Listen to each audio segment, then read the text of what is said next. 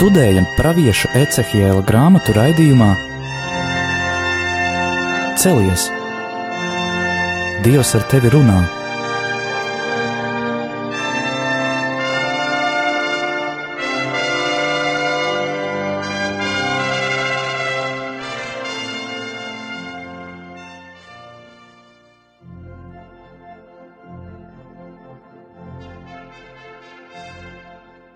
Slavēts Jēzus Kristus. Mūžīgi mūžos slavēt. Studijā Stela un Anģela.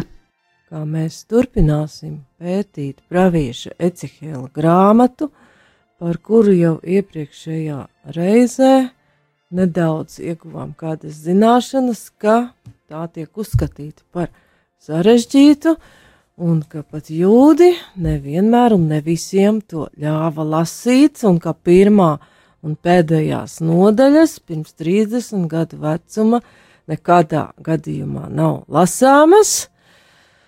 Un mūsdienu cilvēkam varbūt pat tas ir vēl grūtāk, jo viņš ir atradinājies no tādas simbolu pārbagātības un krāšņuma, kā ir šajā Ecihela redzējumos, kuri pat tur ir vairāki, bet šodien tomēr sāksim pirmos soļus šajā tādā mums svešākā laukā, kaut gan man personiski simboli patīk un šķiet daudz vieglāk ar viņiem saprast kādas patiesības, nekā ja tiek pateikts tā ļoti tieši un tikai šim laikam.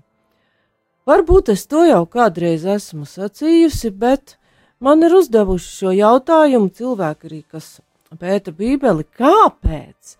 Ja senie autori, pravieši, svētrakstītāji ir lietojuši tādas simbolu sistēmas, vai viņi nevarēja uzrakstīt tieši tā, kā būs, pa taisno un uzreiz. Bet tad kādā veidā mēs varētu saprast to, kas viņiem apkārt notika. Dažkārt mums pat kādas līdzības ir pagrūti saprast.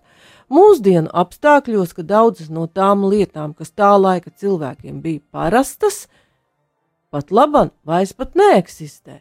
Taču ar simbolu konkrētā patiesība atklājas katrā laikā un ir saprotama katra laikmeta cilvēkiem.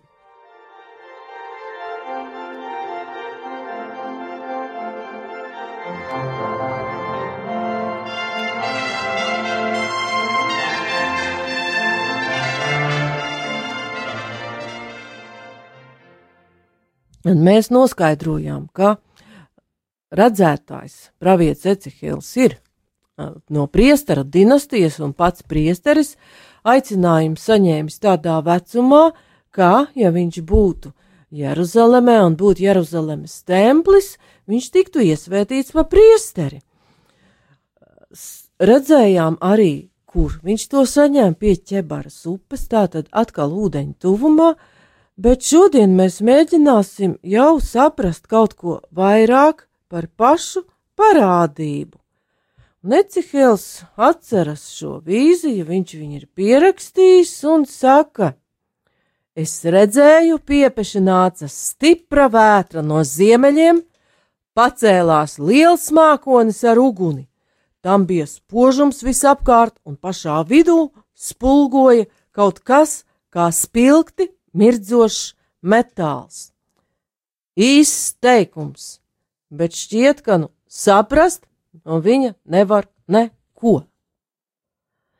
Bet viņš ir pilns ar dažādiem simboliem. Vispirms jau piesaista uzmanību tas, ka šī parādība Iepriekšējā reizē mēs varējām jau saprast, ka tā ir dievišķa parādība, jeb pat kā krievu valodā dieva atklāšanās. Tātad, kāpēc tā nāk no ziemeļiem? Jo visām šīm debesu pusēm svētajos rakstos ir diezgan liela nozīme, un viņas kaut ko arī mums izsaka.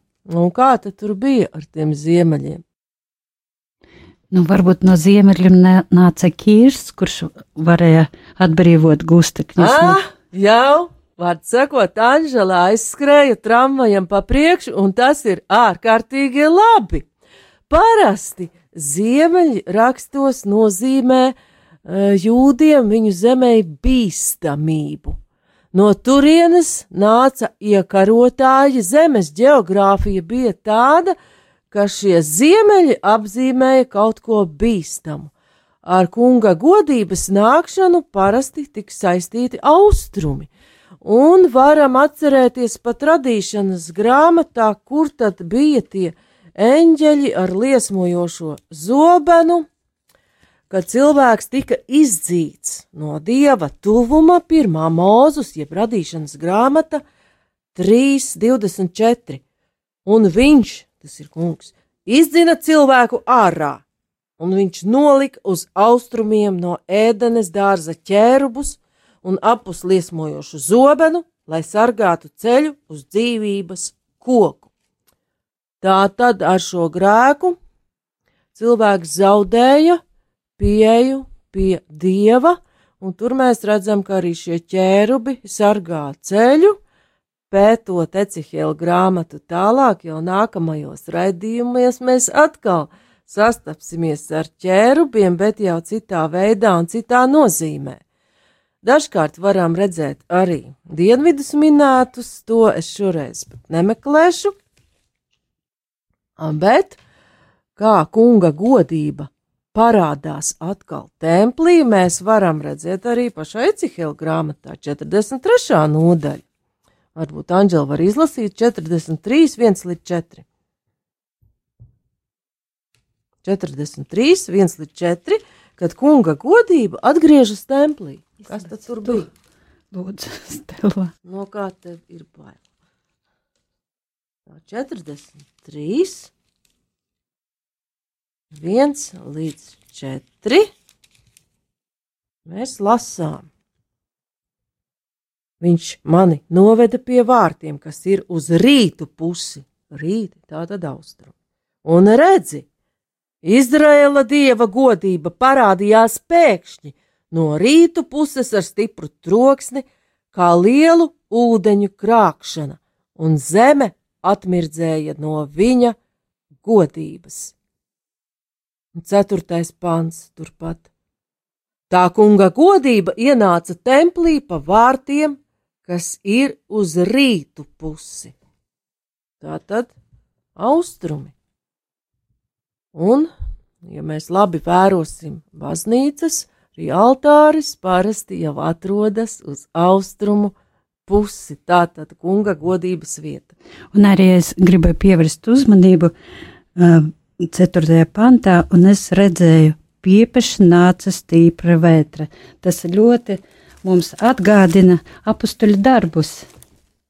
Jā, Jā, kad vasaras svētku diena bija atnākusi, visi bija sapulcējušies vienā vietā, un piepeši no debesīm nāca rūkoņa, it kā stiprs vējš pustu, un piepildīja visu namu, kur tie sēdēja, un viņiem parādījās it kā ugunsmēlis, kas sadalījās un nolaidās uz vienu, ikvienu no tiem un visi tika piepildīti ar svēto garu un sāka runāt citās mēlēs, kā gars tiem deva izrunāt. paldies!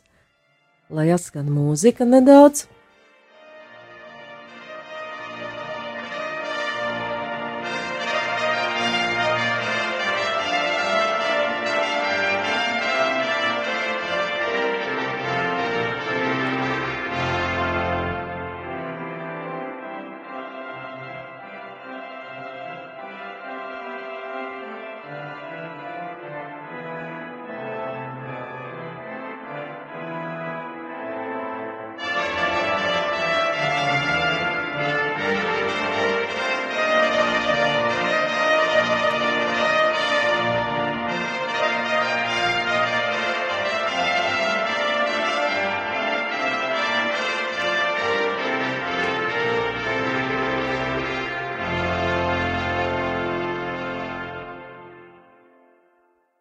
Tātad Anģeli jau veiksmīgi savienoja šos vecās derības simbolus, kam mēs tik, tikko sākam skarties klāt, jau ar jauno derību, jo vētra, uguns, tur mēs redzam arī mākoņus.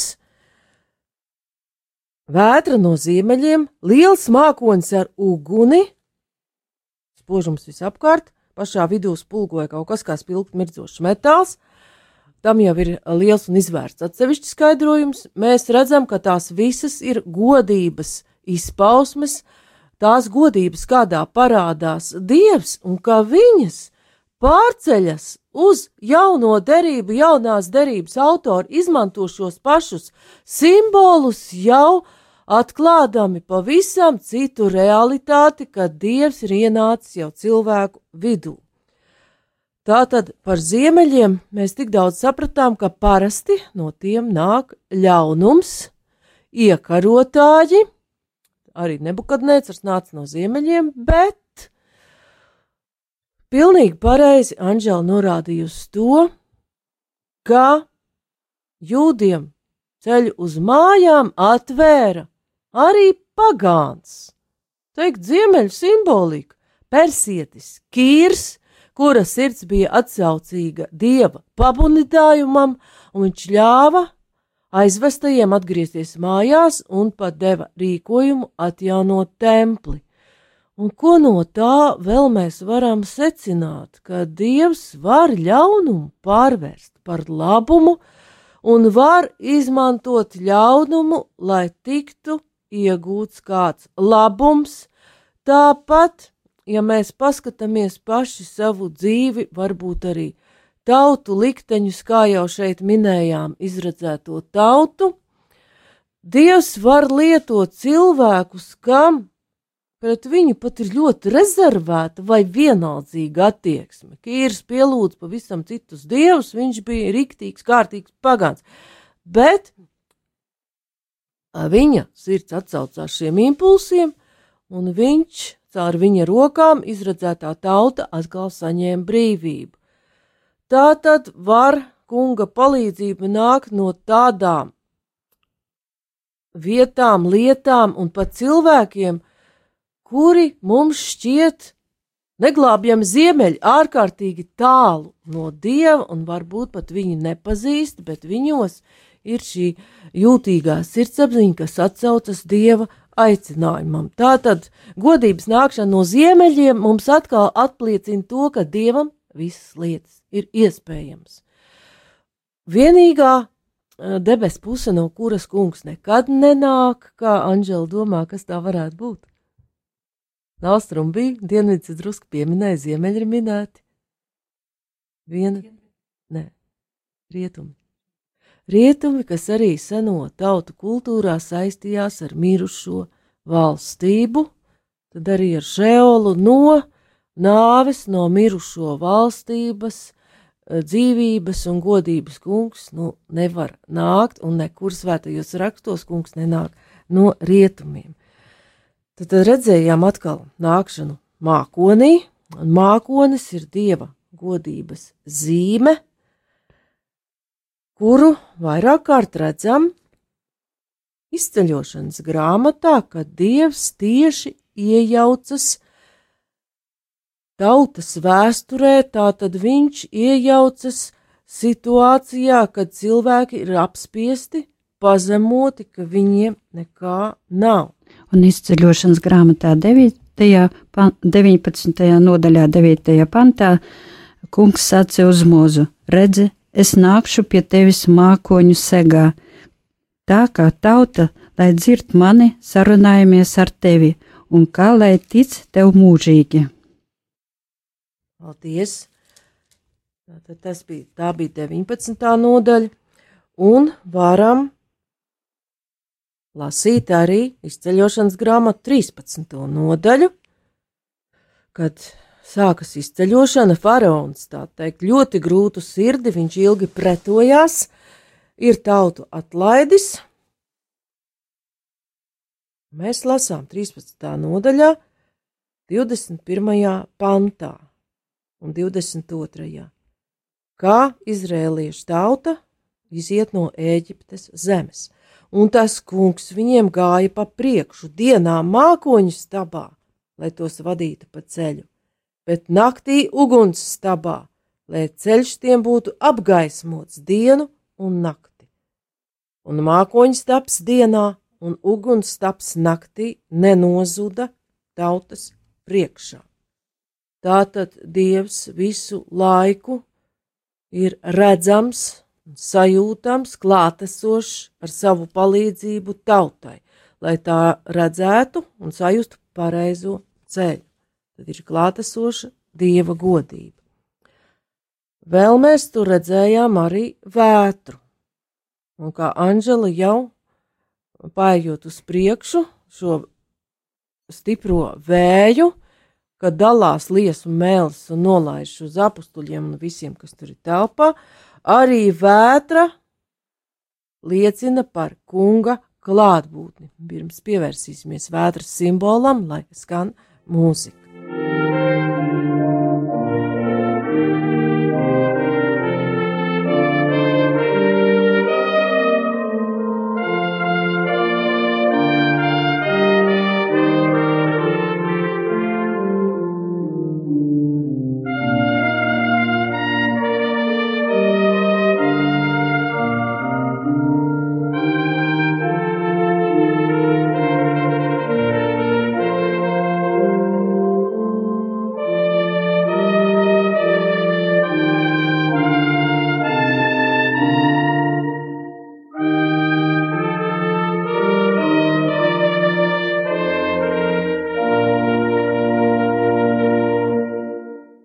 Tad arī vētra liecina par kunga spēku un klātbūtni. Vētra nereti ir kopā ar visiem šiem mākoņiem, ar uguni, un vecajā derībā varam atcerēties ījavu, kurš saskārās ļoti lielām ciešanām, runāja ar Dievu, diskutēja ar Dievu, uzdeva viņam daudzus jautājumus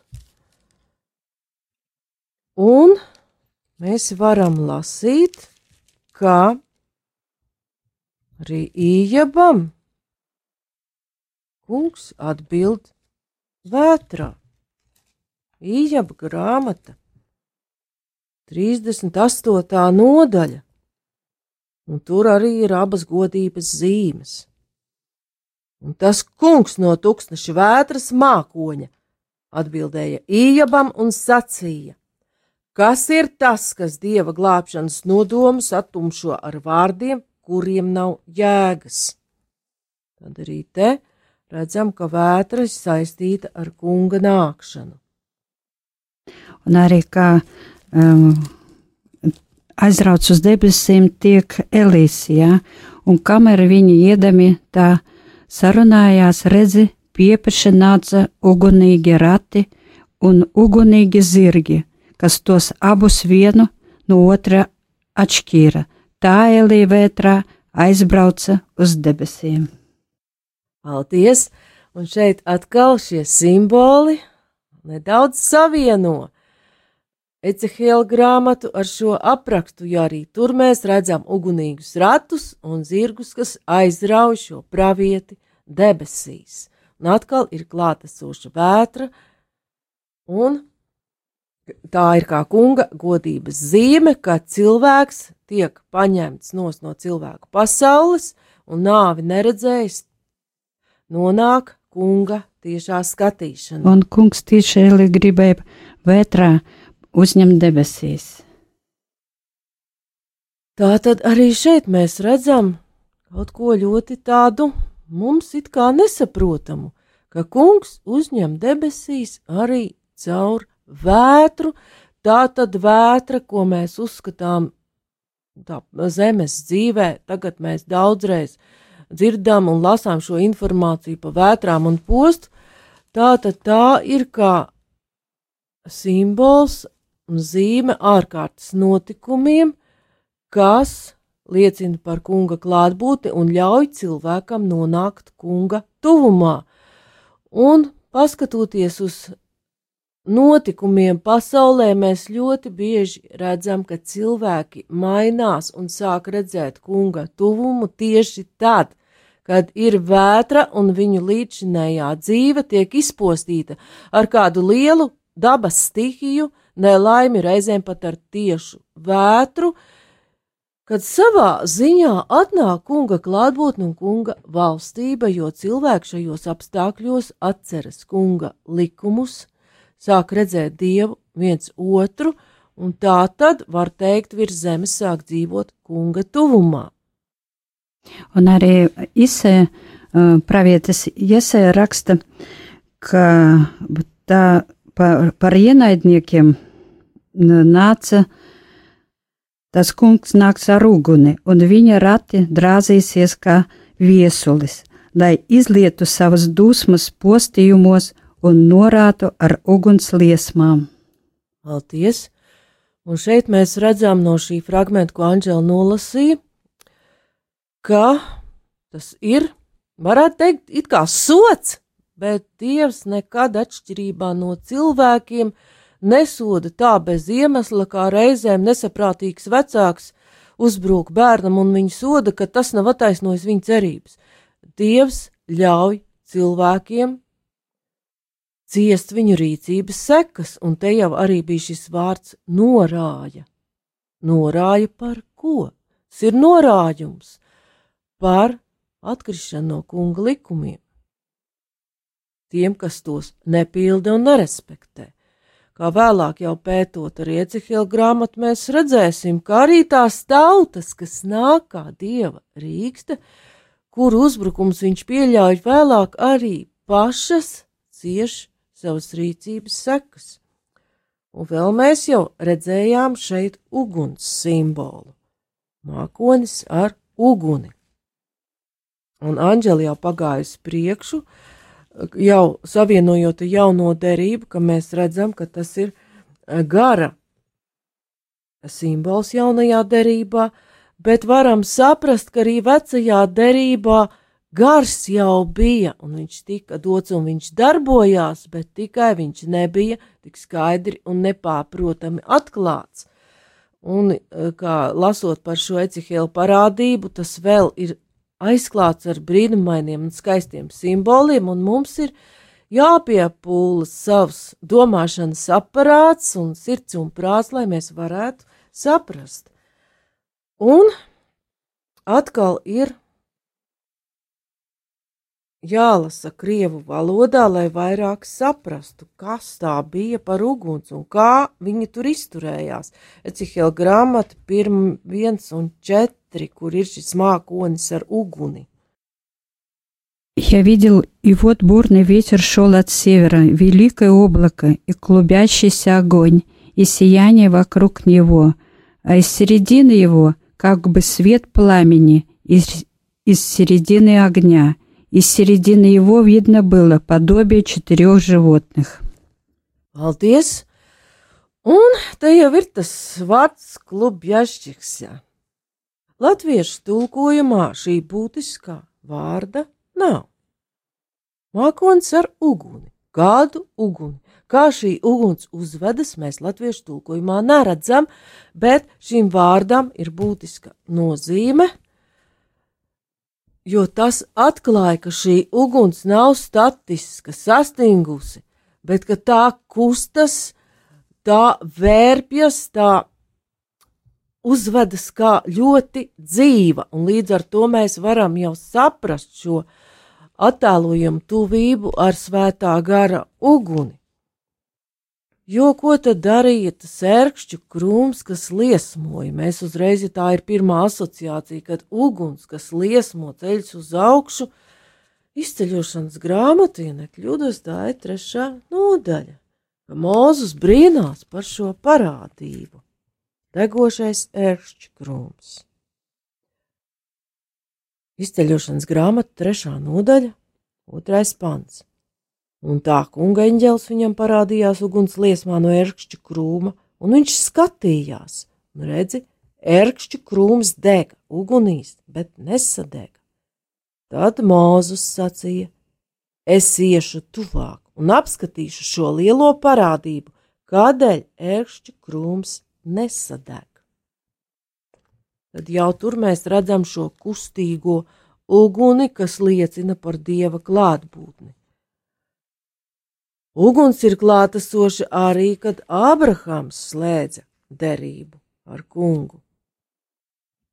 Arī tur ir uguns, un Ābrahāms ir pat zināmās tādās bailēs no tā, ko viņš redz.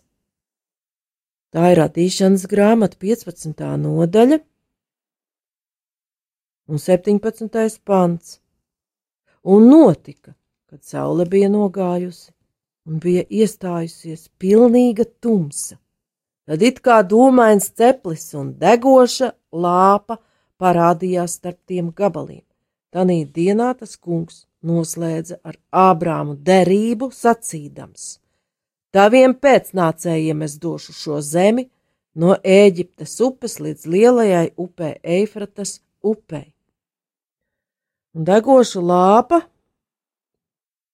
atkal uguns, pilnīga tumsa.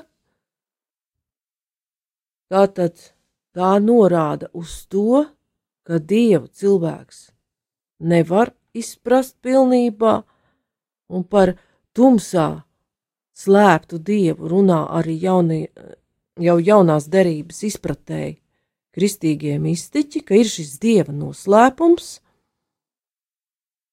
Tātad Ābrāmam ir bailes no šī noslēpuma, un lāpa degošā mums atkal kaut ko atgādina. Atkal jauno derību, šeit ir vecajā derībā uguns lāpa radīšanas grāmatā, kad pestīšanas vēsture tikai sākas. Bet septiņas dieva uguns lāpas mūžīgi deg viņa troņa priekšā, un par to mēs varam lasīt Jāņa atklāsmes grāmatā, kur ir atklāta gara pilnība. Un Anģela izgāja jau cauri šim baznīcas dzimšanas brīdim, ka tad jau mēs nedaudz varam pietuvoties tam, ko varētu nozīmēt pravieša Ecehēla redzējums jau jaunās darības kontekstā. Ja tur ir ļoti daudz un dažādi simboli, mēs redzēsim daudzas reizes atkārtojamies skaitli četri, kas nozīmē šo visas telpas aptveršanu, jo tā laika kosmoloģijā cilvēki uzskatīja, ka visam radītajam un viņu apdzīvotajai telpai un visumam ir četri stūri. Tātad šis skaitlis norāda uz kādu noteiktu universālu vienību, varam domāt jau ka tur redzamajiem simboliem un šim redzējumam, šiem ratiem, kas kustas uz priekšu, nekad atpakaļ, ja es nekļūdos, varētu būt kāda saistība arī ar baznīcas simbolu. Bet par to jau mēs runāsim nākamajā reizē, jo mūsu laiks beidzās. Tad paldies par uzmanību. Studijā bija Stela un Anģela.